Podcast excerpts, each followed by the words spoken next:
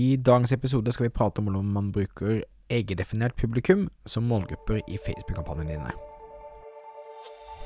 Stadig flere små bedrifter i Norge oppdager at med riktig markedsføring kan man utfordre de store, tradisjonelle bedriftene.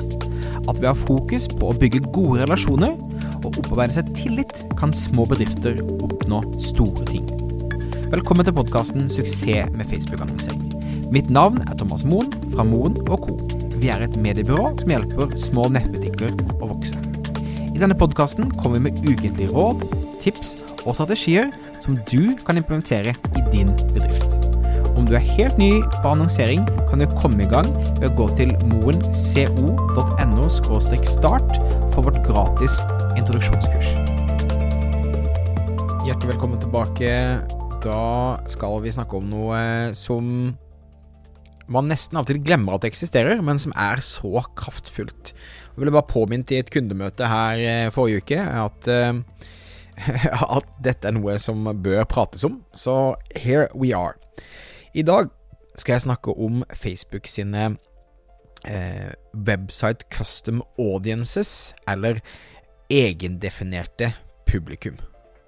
Så um, Facebook har en funksjon som gjør at du har mulighet til å lage et egendefinert publikum, altså et målrettet Eller en, en, en spesif spesif spesifikk målgruppe basert på hva folk har gjort på nettsiden din. Dette brukes veldig ofte av oss f.eks. For, for å eh, ekskludere de som har lastet ned noe, eller eh, inkludere de som har vært innom visse typer sider osv. Så, videre. så jeg tenkte bare å gå gjennom bruken av dette. Eh, og du lager da egendefinerte publikum, eh, enten i annonseadministrasjonen når du holder på å lage en kampanje, eller så kan du gå opp i menylinja eh, i da inne i eh, Business Manager, og så kan du velge da eh, publikum derfra. Så da har du muligheten til å, eh, til å velge å lage egendefinerte publikummer basert på det. Så eh, dette er noen av måtene vi bruker det på, som kan inspirere deg. Poenget er da at du skal gå inn, og så skal du si 'Jeg ønsker å lage et egendefinert publikum av folk som har besøkt en spesifikk nettside'. Så legger du da inn adressen til den spesifikke nettsiden. La oss si du f.eks.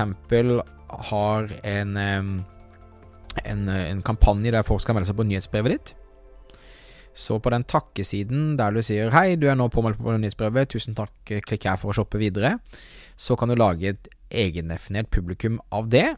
Og så vet du at alle som er i det publikummet, har lastet ned, eller har meldt seg på nyhetsbrevet ditt. Så kan du kommunisere til dem på en helt spesifikk måte.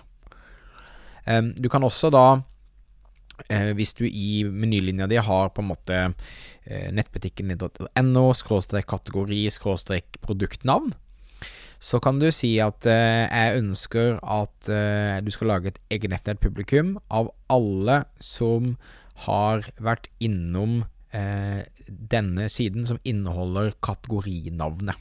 Så da kan du eh, vise annonsene dine f.eks. bare til de som har vært innom den, eller innom et spesifikt produkt. Og vi bruker det også på bloggposter, der du sender folk til et, eh, et spesifikt eh, blogginnlegg. Og så sier du da ja, alle som har lest om eh, hvordan du eh, knytter skoene dine, eh, skal se annonser for denne spesifikke skoen. Så egendefinert publikum er en sånn kraftig måte hvor du kan både inkludere og ekskludere i eh, kampanjene dine.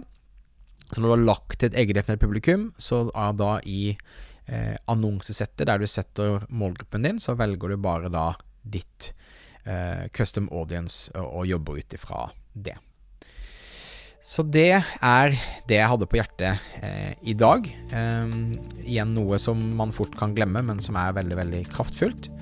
Tusen takk for at du lyttet på. Om du ikke allerede gjør det, husk å abonnere i din podkast-app for å få med deg fremtidige episoder. Er du en nettbutikk som trenger hjelp med å vokse, sjekk ut moen.no for flere gratis ressurser. Mitt navn er Thomas Moen. Vi høres igjen neste uke for en ny episode av Suksess med annonsering. Ha det fint!